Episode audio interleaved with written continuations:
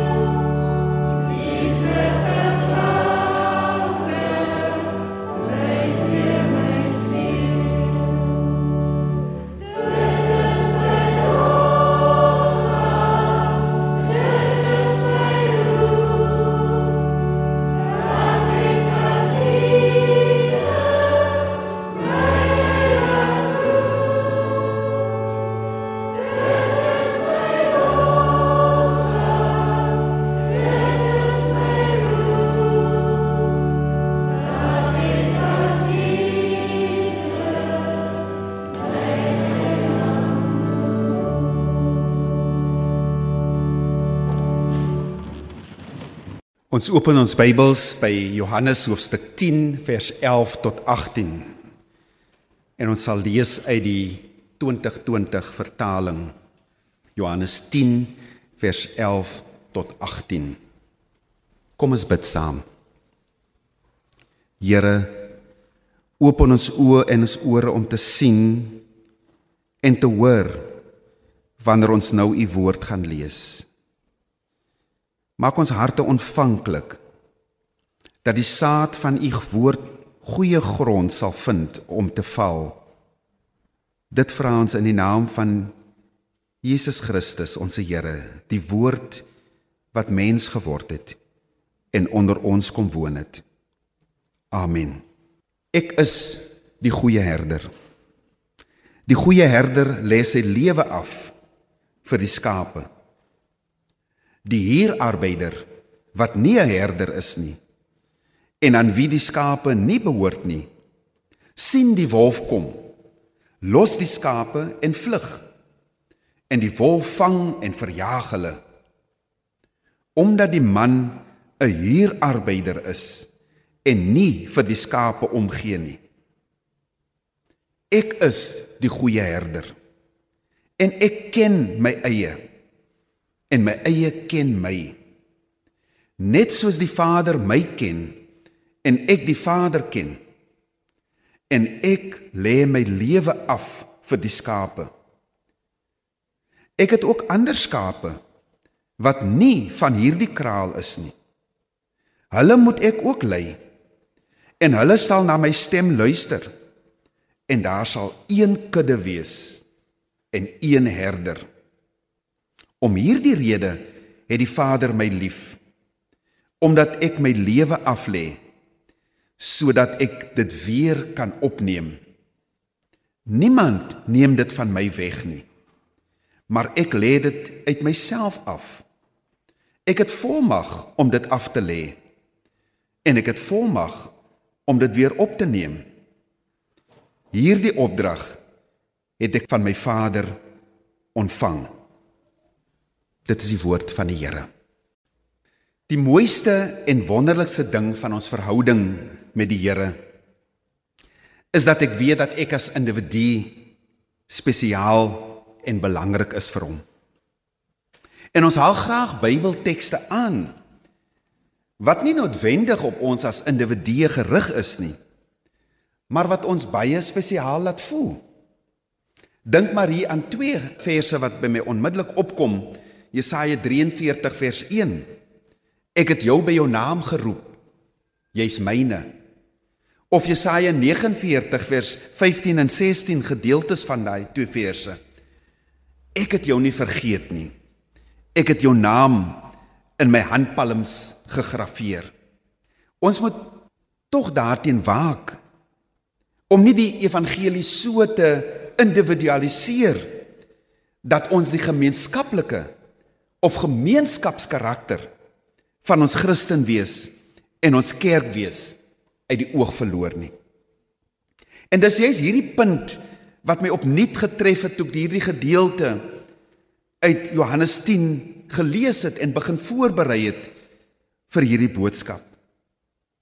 Ons is nie maar net individuele skape van die goeie herder nie.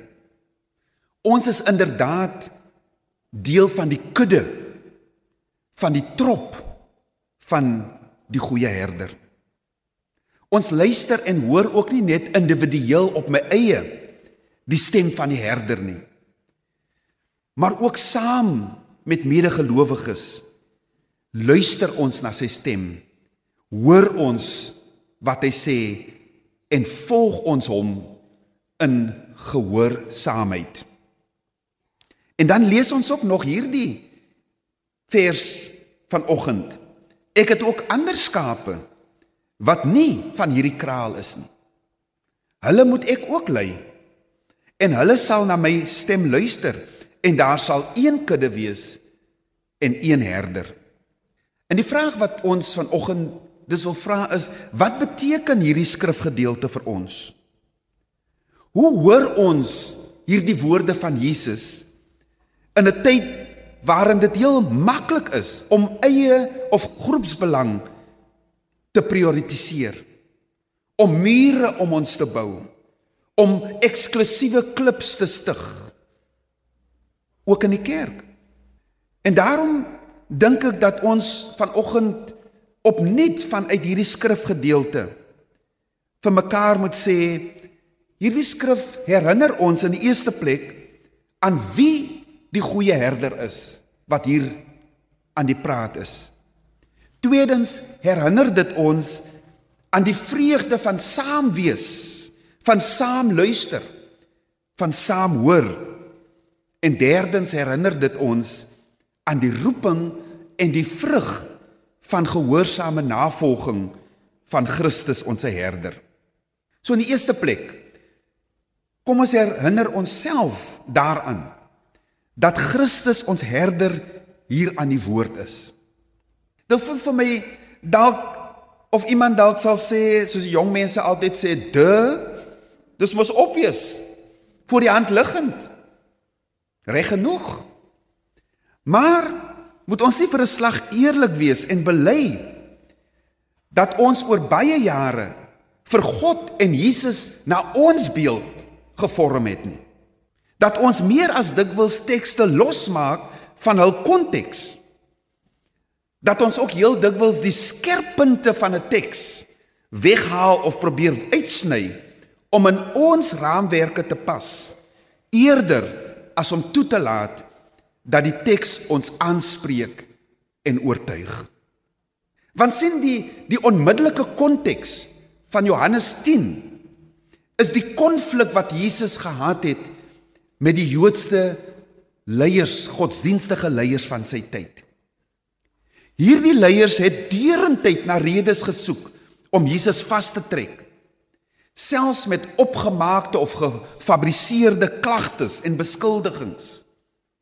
Hulle negatiewe ingesteldheid teenoor Jesus het hulle verhinder om met 'n oop en ontvanklike gemoed na Jesus se boodskap te luister en Jesus se wonderdade te waardeer. 'n Mens kan sê hulle het so afgestomp geraak in hulle sinne dat dit hulle harte verhard het. Daarom kan hulle hulle self nie eers so ver kry om bly te wees in hoofstuk 9 wanneer ons lees van die man, die blinde man wat Jesus genees het nie. Veel eerder soos godsdienstige boelies treiter hulle en tester hulle die ouers van hierdie man en uiteindelik die man self en gaan hulle tot by die punt dat hulle hierdie man wat deur Jesus genees word uit die sinagoge verban. Die sinagoge waar hierdie man wou kom om vir God die Allerhoogste te kom dank en loof dat hy genesing ontvang het. Hy word nie toegelaat om dit te doen nie vanweë die agendas van die godsdienstige leiers. Sulke leierskap selfs wanneer dit in godsdienstige kringe voorkom is waarteen Jesus homself opstel. Met hierdie mense draai Jesus nie doekies om nie. Hy bak nie mooi broodjies nie. Hy het nie tyd vir diplomatie nie. Sulke leiers in die oë van Jesus in vers 8 as ons vorentoe lees word genoem diewe en rowers. En diewe sê Jesus in vers 10 kom net steel en slag en uitroei of verwoes. Simpatie, empatie, deernis en omgee is nie deel van hierdie leiers se woordeskat nie. Om nie eers te praat van die bereidheid om jou lewe te gee vir jou skape soos wat Jesus verklaar hy as goeie herder bereid is om te doen. En hierin tree Jesus ons goeie herder na vore. Hy stel homself so bekend, ek is die goeie herder wat wel bereid is om sy lewe vir die skape af te lê. En meer as een keer kom dit in hierdie kort geleesde gedeelte voor wat ons gelees het. Ek lê my lewe af vir die skape. En dit geliefdes word vir die kerk en vir die mensdom deur die eeue heen wat ons vandag kan sê die Paasevangelie, die blye boodskap, die goeie tyding, Jesus Christus is die goeie herder. In hom word Psalm 23 vervul. In hom word die profesie van Esegiel 34 vervul. Hy is aan die woord in hierdie gedeelte. Die tweede ding waaraan ons onsself vanoggend wil herinner, is aan die vreugde van saam wees, van saam luister en saam hoor wat God vir ons as gemeente, as sy kudde wil sê.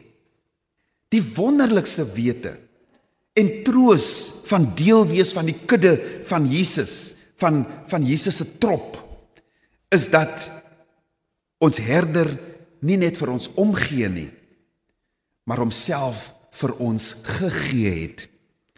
Dat hy nie net elke dag vir ons sorg nie, maar dat hy ons elke oomblik van die dag met liefde versorg. Dat hy nie net ons gebede hoor nie, maar dat hy elke gebed en smeking verhoor. Wanneer ons die tekens van die nagmaal die brood neem en dit breek, sing ons saam met Psalm 23 dat ons niks onbreek nie. Ja, hy bring ons nie net na die waters waar daar rus is nie. Johannes sê op 'n ander plek, hy gee aan ons strome van lewende water wat uit ons binneste vloei sodat ons ook verander tot seën kan wees. Wie egter probeer om God se liefde en trou, God se genade en sorg en sy beskerming en leiding so te privatiseer en te individualiseer dat hulle hulle self los sien en losmaak van die res van die kudde verstaan baie min van Jesus Christus se boodskap. Ons het vroeër bely ek glo aan die heilige algemene Christelike kerk, die gemeenskap van die gelowiges, artikel 9 van die 12 artikels. En dit wil ek verklaar vir oggend is die wesenlike van Christen wees. Dis die wesenlike van kerk wees. Ons het ervaar hoe ons bietjie meer as 'n jaar gelede opeens gekonfronteer was met die feit dat ons nie meer kon saamkom om te aanbid nie. Ons is wel gedwing om na ander aspekte van ons geloofslewe en kerklike lewe te kyk en kritiese vrae te vra oor wat beteken dit om kerk te wees teenoor bloot kerk bywoon. Maar u sal met my saamstem. Groot was ons vreugde toe ons weer toegelaat word is om by mekaar te kom. En is reg so. Christene is gemeenskapsmense. Fellowship, koinonia is integrale deel van ons identiteit en karakter. Ons geloof word versterk deur gemeenskap van gelowiges. Ons gesamentlike aanbidding moet egter aan ons veilige ruimtes verskaf. Want saam in hierdie veilige ruimte moet ons waaksaam uitkyk vir die wolwe van buite sonder om te vrees dat daar onder ons skape in wolfklere is. Die nuwe lewenskrag wat ons van die herder ontvang, moet dien om ons lewens gemaklik te maak en te vergemaklik. Nie om met vernietigende konflikte mekaar af te breek. Ja, geliefdes, binne die kerk, binne ons gemeente moet ons saam staan teen die bedreigings deur die diewe en die rowers wat ons wil beroof van vrede en vreugde wat die herder aan ons uitdeel. Jesus sê dat sy skape ken hom en hy ken hulle. Hy sê ook dat sy skape ken sy stem en hulle luister na sy stem. Ons vind ook vreugde daarin dat ons saam kan luister na die herder se stem, saam kan hoor as hy roep en as hy praat en as hy stuur. Daarom doen ons op ons eie Bybelstudie, maar ons het doen dit ook saam met medegelowiges. Want dit is so lekker om saam rondom die woord van die Here te te sit en dit saam te bestudeer en saam te hoor hoe die Gees influister in elkeen van ons om te bevestig wat Jesus vir ons wil sê. En so help ons mekaar luister en hoor wat die Bybel vir ons in tye van onsekerheid en moeilike omstandighede ook sê. Dit bring varsheid en vernuwing in die gemeente. Deur saam te luister en te hoor, help ons mekaar om die goeie stem op die goeie herder se stem te onderskei. Te midde van soveel ander stemme wat aanspraak maak op ons tyd en ons aandag. 'n skaap wat op sy eie is of wat afdwaal, verkeer onmiddellik in groot gevaar. Daarom sê ons daar is definitief 'n mate van veiligheid en geborgenheid wanneer ons deel van die kudde is en by mekaar bly. Maar Jesus herinner ons ook dat daar ander skape van hom buite die kraal is wat hy ook moet lei. En hiermee verklaar Jesus dat ons nie onsself die reg en mag moet aanmatig dat ons die hekwagters is en bepaal aan wie God sy genade uitdeel en wie God wil versorg nie. Daarom moet ons gereeld kyk hoe ons dinge doen of ons nie deur ons optrede, deur ons besluite mense uitsluit wat God eintlik sê hulle is deel van my kudde nie. En so sal elke kerk en elke gemeente moet sit met hierdie vraag en ondersoek moet instel of ons nie wel mense uitsluit net omdat hulle anders is as ons nie. In die laaste plek word ons vanoggend weer herinner aan die roeping en vrug van gehoorsame navolging van Christus ons herder. Disippelskap, navolging van Christus is inderdaad ook een van die wesenskenmerke van kerkwees. Niemand van ons kan verklaar dat hulle die stem van die herder gehoor het en dan op dieselfde plek bly vas staan nie. Wie die beloftes en die seëninge van die herder vir hulle self toeëien sonder om daarmee in beweging gebring te word om verander tot seën te wees verstaan maar net halfpad die evangelie. Christus soek nie 'n klomp opgewonde skreeende bewonderaars of soos ons platweg sê fans nie Christus soek opgewekte singende en dienende disippels navolgers, mense wat bereid is om self die kruis op te neem en hom te volg. En weer eens moet die skape van sy kudde mekaar help en hierin versterk. Want deur saam na sy stem te luister, deur saam te hoor wat hy van ons vra, kan ons ook gehoorsaam aan hom wees. Dis daarom my gebed geliefdes dat ons saam ons Here Jesus Christus die goeie herder getrou en gehoorsaam sal navolg. Vanoggend pleit ek laat ons dit nie vir mekaar hierin moeilik maak nie.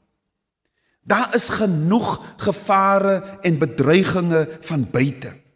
Laat ons ons kraal of ons krale veilige ruimtes vir mekaar maak deur mekaar te versterk, deur mekaar aan te moedig, sodat ons saam ons oog kan vestig op Jesus Christus, die leidsman en die volëinder van ons geloof. Amen. Here, dankie vir die versekering en vertroosting vanuit u woord vanoggend. U weet hoe nodig ons dit het. Maak ons ore opnuut oop dat ons u stem duidelik sal hoor. Daarna sal luister en u alleen sal volg. Help ons ook om die stemme van ander te hoor in ons eie midde wat huil en skree vanuit hulle nood en hulle pyn en hulle hartseer sodat ons ook herders vir hulle kan wees. Here Vergewe ons dat ons so dikwels dinge uit selfsug en eie eer doen. Dat ons vergeet U gee aan ons genoeg sodat ons nie mekaar hoef te vertrap of uitsluit van U voerbakke nie. Lei ons Heilige Gees na waters waar daar rus en vrede is. Seën ons Here sodat ons verander tot seën kan wees. Amen. Ons slotsang is gesang 49. My herder is die troue God. Hy lei my dag na dag. Wat ook gebeur, ek kom niks kort. Hy gee my nuwe krag.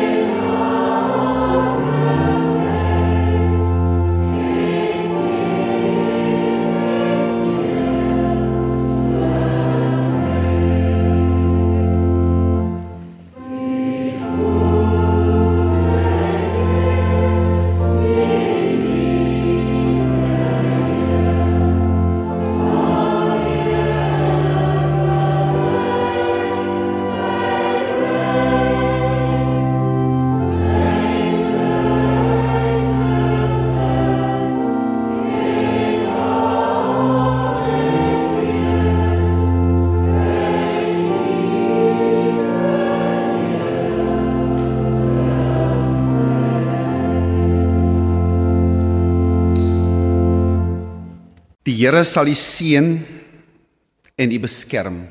Die Here sal tot julle redding verskyn en julle genadig wees. Die Here sal julle gebede verhoor en aan julle vrede gee. En ek plaas die naam van die Here op elkeen van u.